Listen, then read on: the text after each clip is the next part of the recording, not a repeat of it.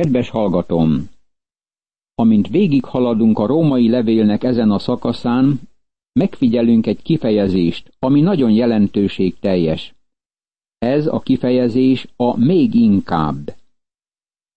Pál azt akarja ezzel mondani, hogy még inkább áldást kaptunk Krisztusban, mint amit elveszítettünk Ádámban. Ez a kifejezés fordul elő a kilencedik versben. Ha tehát már most megigazított minket az ő vére által, még inkább meg fog menteni minket a haragtól.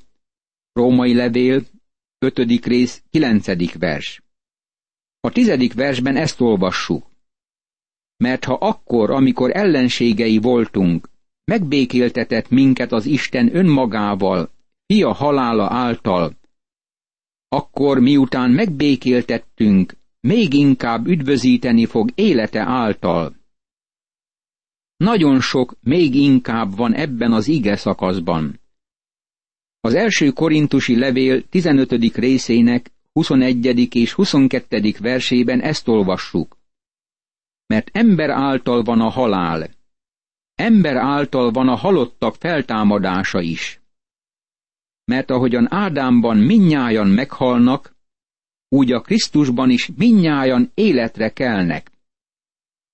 A halált Ádám hozta be a világba. És ha bizonyítékokat akarsz arról, hogy Ádám első bűne képviseleti cselekmény volt, figyeld meg, hogy meghal egy csecsemő, pedig a kisgyermek semmilyen bűnt nem követett el. A kisgyermek Ádám leszármazottainak az egyike. Ádámban mindenki meghal. Láthatod, Isten nem halálra teremtette az embert. Isten valami jobbat tartogat az embernek. Erre gondolva foglalkozzunk a tizenharmadik versel. Mert a törvényig is volt bűn a világban, bár a bűn nem róható fel, ha nincs törvény. Római levél, 5. rész, 13. vers.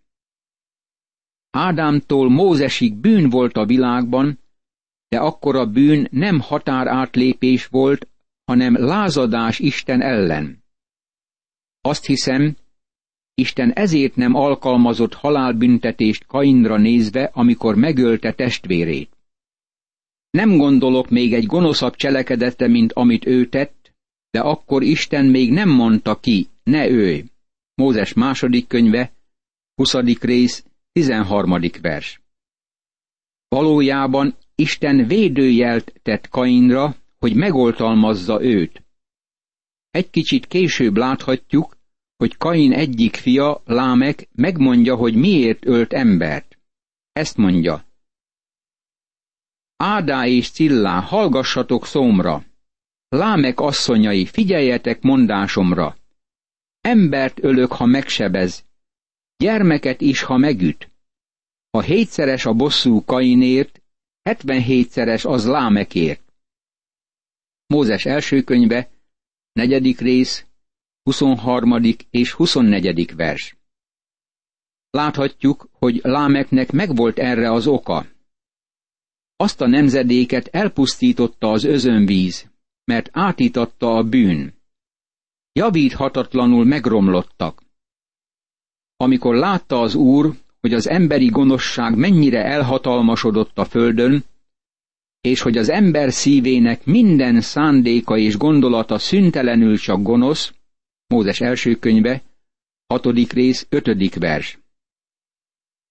De még egyikük sem rontotta meg a tíz parancsolatot, mert nem volt még tíz parancsolat. Azonban ítélet alá kerültek, mert bűnösök voltak. Barátom, ez választ ad arra a kérdésre, hogy a pogányok miért vesznek el, akik nem hallották az evangéliumot. A válasz az, hogy minden ember az elveszett emberiséghez tartozik.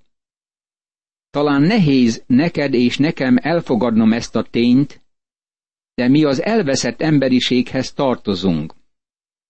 Mi nem vagyunk szeretetre méltók. Mi nem az evolúció termékei vagyunk, akik egyre jobbá válnak. Mi az elveszett emberiség tagjai vagyunk, és szükségünk van megváltásra. Még a nagyon megfontolt ember is elidegenült Istentől. Valaki talán így szól. Azt hiszem, Isten köteles megváltani minnyájunkat. Nem, ő nem köteles ezt tenni. Tegyük fel, hogy oda mehetsz egy mocsaras tóhoz, ahol száz meg száz teknősbéka van, és egyet kiveszel közülük. Meg akarod tanítani azt a teknősbékát a repülésre. Aztán az a teknősbéka visszamegy a tóba, és ezt mondja a többi teknősnek. Nem akartok megtanulni repülni? Azt hiszem ránevetnek a teknősre, és ezt mondják. Nem, szeretünk itt lenni. Nem akarunk repülni, tanulni. Ez az elveszett emberiség mai állapota. Az emberek nem akarják a megváltást. Az emberek elveszettek, elidegenültek Istentől. Ez nagy igazság, ami beleitatódik minnyájunk elméjébe, mert bűnös a természetünk. Csak szeretjük azt gondolni, hogy csodálatosak vagyunk. De nem vagyunk azok, barátom. Mégis úrrá lett a halál Ádámtól Mózesig azokon is, akik nem Ádám védkéhez hasonlóan estek bűnbe. Ő pedig előképe az eljövendőnek. Római levél, 5. rész, 14. vers. Pál megszemélyesíti a halált. Beszél arról a tényről, hogy a halál uralkodott királyként Ádámtól Mózesig. Jól lehet nem szekte meg a tíz parancsolatot, mert még nem is adta meg Isten, az ember mégis bűnös volt. A halál szót háromszoros értelemben használja a Szentírás. Van a fizikai halál. Ez nem csak a testre utal, hanem a testnek a lélektől való elkülönülésére is. Ez a halál éri utol az embert Ádám védke miatt. Van a lelki halál is, ami elkülönülés Istentől és lázadás vele szemben. Örököltük ezt a természetet Ádámtól. Elidegenültünk Istentől, és holtak vagyunk védkeinkben és bűneinkben. Efézusi levél, második rész, első vers. Ezt a képet mutatja be a Szentírás. Aztán van az örökké való halál. Ez a harmadik halál, amelyről a Szentírás szól, és ez örök elkülönülés Istentől. Ha csak az ember nem részesül megváltásban, az örök halál elkerülhetetlenül osztályrésze lesz. Jelenések könyve, 21. rész, 8. vers. Ádámot itt határozottan Krisztus előképének nevezi az apostol. Ő pedig előképe az eljövendőnek. Ádám Krisztus előképe. De nem igaz az, hogy amilyen a vétek, olyan a kegyelmi ajándék is. Mert ha annak az egynek a vétke miatt sokan haltak meg, az Isten kegyelme és ajándéka még bőségesebben kiáradt az egy ember, a Jézus Krisztus kegyelme által sokakra. Római levél, 5. rész, 15. vers. Még inkább áldást nyerünk Krisztusban. Ma valami csodálatosabb vár ránk, mint amilyen az édenkert volt. Ahogy a zsidókhoz írt levél írója mondja, Hitben haltak meg ezek mind, anélkül, hogy beteljesültek volna rajtuk az ígéretek. Csak távolról látták és üdvözölték azokat, és vallást tettek arról, hogy idegenek és jövevények a földön. Zsidókhoz írt levél, 11. rész, 13. vers. És az sem igaz, hogy a kegyelmi ajándék ugyanolyan, mint az első ember bűnbeesése. Az ítélet ugyan egyetlen eset folytán vitt a kárhozatba, a kegyelmi ajándék viszont sokak elbukásából vitt megigazulásra. Római levél, 5. rész, 16. vers. Elismerem, hogy ez nehéz ige szakasz, és ez az egyik legnehezebb verse a Bibliának. Hogy leegyszerűsítsük, Ez az egész ige szakasz a következő jelentést hordozza. Egyetlen bűn belerántotta az emberiséget a bűnbe. Az engedelmesség egyetlen tette, és Krisztus kereszthalála lehetségessé teszi az elveszett ember megváltását. Ha pedig az egynek elbukása miatt lett úrrá a halál egyetlen ember által, akkor azok, akik bőségesen kapják a kegyelem és az igazság ajándékát, még inkább uralkodni fognak az életben az egy Jézus Krisztus által. Pál korábban a tizennegyedik versben kijelentette, hogy a halál uralkodik, mint király.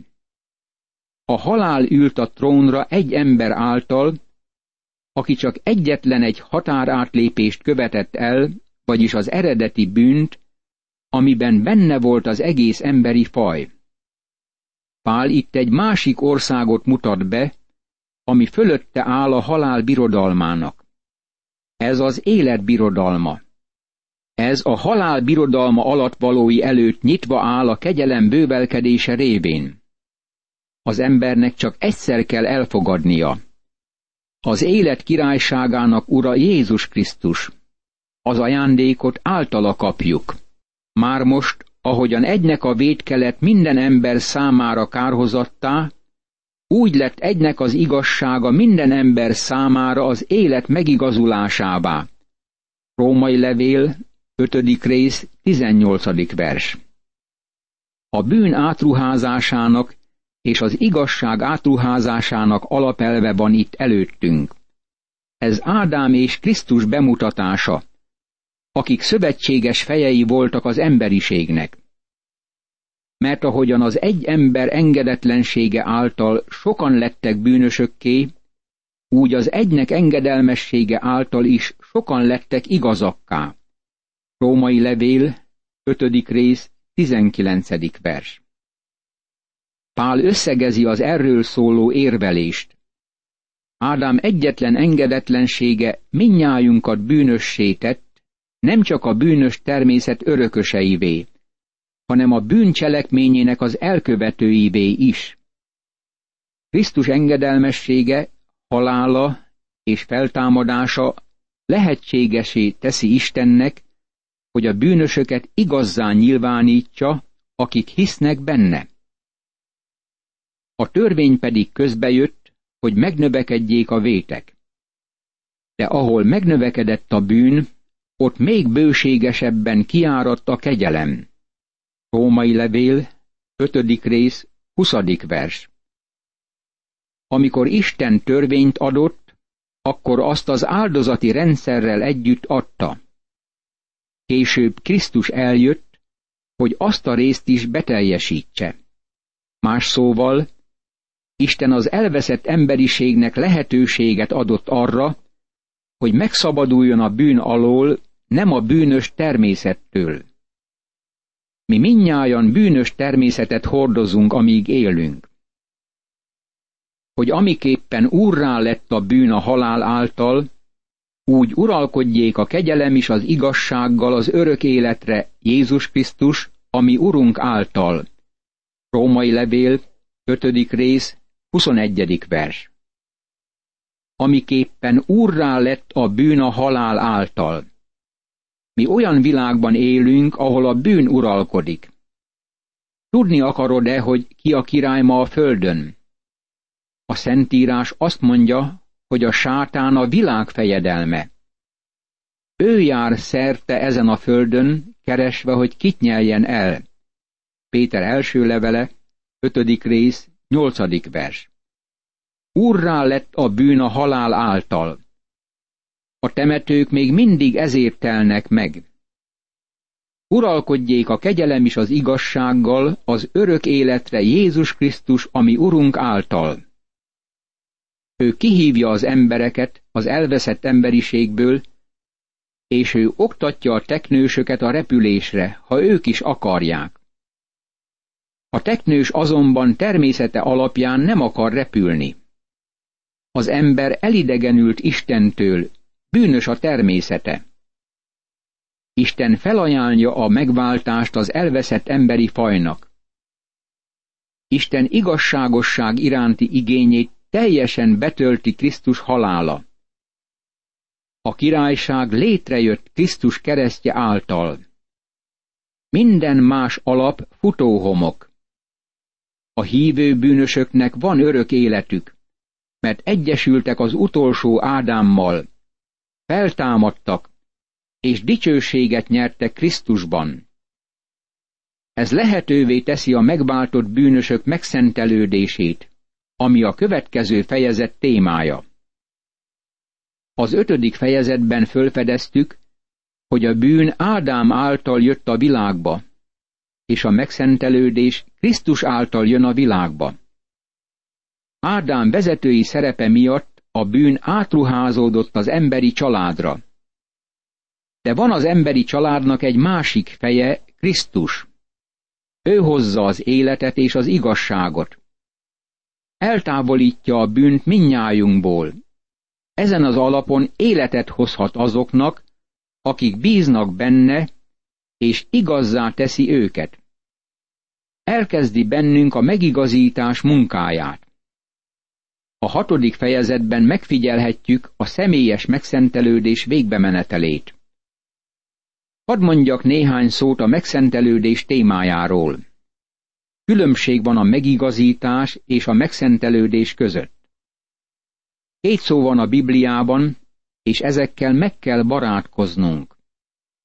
Különbség van a között, hogy valaki egyszerűen megváltást nyer a bűn alól, és a között, hogy valaki olyanná válik, amilyenné lennie kell, mert Isten kiválasztotta őt sajátjának. A Krisztussal való azonosulás a megigazulás érdekében szintén alapja a mi megszentelődésünknek. Krisztusban vagyunk. Ez két eltérő téma, de nem zárják ki egymást. A megigazulás az alapja annak, amin a megszentelődés építménye nyugszik. Hadd fejezzem ezt ki a következő módon. A megigazulás egy cselekmény, és a megszentelődés munka. A megigazulás abban a pillanatban történik, amikor bízunk Krisztusban, Isten igazzá nyilvánít, és eltávolítja a bűnt. Aztán Isten elkezd munkálkodni bennünk, ami folytatódik az egész életen át. Hiszek az azonnali megváltásban, de a megszentelődés egy egész életen át tartó folyamat. Más szóval, a megigazulás az eszköz, a megszentelődés a cél. A megigazulás értünk történt, a megszentelődés bennünk történik. A megigazulás igazzá nyilvánítja a bűnöst. A megszentelődés igazzá teszi a bűnöst. A megigazulás eltávolítja a bűnt és annak büntetését. A megszentelődés eltávolítja a bűn növekedését és hatalmát. Isten munkálkodik bennünk és rajtunk egyaránt. Ő munkálkodik rajtunk azzal, hogy képessé tesz az előtte való megjelenésre, mert kifizette a büntetést, és eltávolította bűnünket. De bennünk is ténykedik. Szívünkbe költözik, és él a Szentlélek hatalma által, hogy olyan keresztényekké váljunk, amilyenné lennünk kell. Isten nem hagy minket a bűnben, amikor megvált. Ez nem érzékelteti azt, hogy a megszentelődés olyan kötelesség, ami a megigazulásból fakad.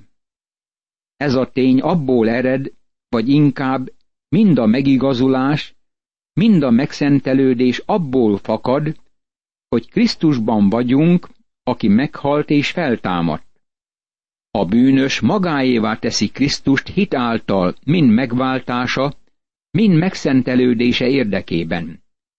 Azt olvassuk az első korintusi levél első részének harmincadik versében. Az ő munkája az, hogy ti a Krisztus Jézusban vagytok.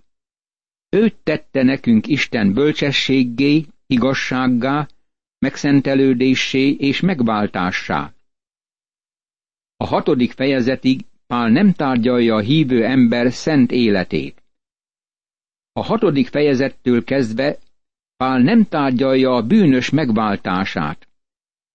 Nem beszél a szentről és a szent életéről, amikor a megváltás van előtérben. Most éppen erről tárgyal. Ezért e hatodik fejezet témája az, hogy Isten a bűnöst az ő kinyilvánított igazságában ténylegesen igazzá teszi. Megmutatja, hogy a megigazult bűnös nem maradhat meg a bűnben, mert meghalt és feltámadt ismét Krisztusban. Aki a bűnben marad, az a bűn szolgája, és ez egy újabb ok arra, hogy nem maradhat meg a bűnben. A hívőnek új természete van, és engedelmeskedik Istennek. Ez a szakasz megment minket attól az uralkodó gondolattól, hogy a hívő azt teheti, ami neki tetszik.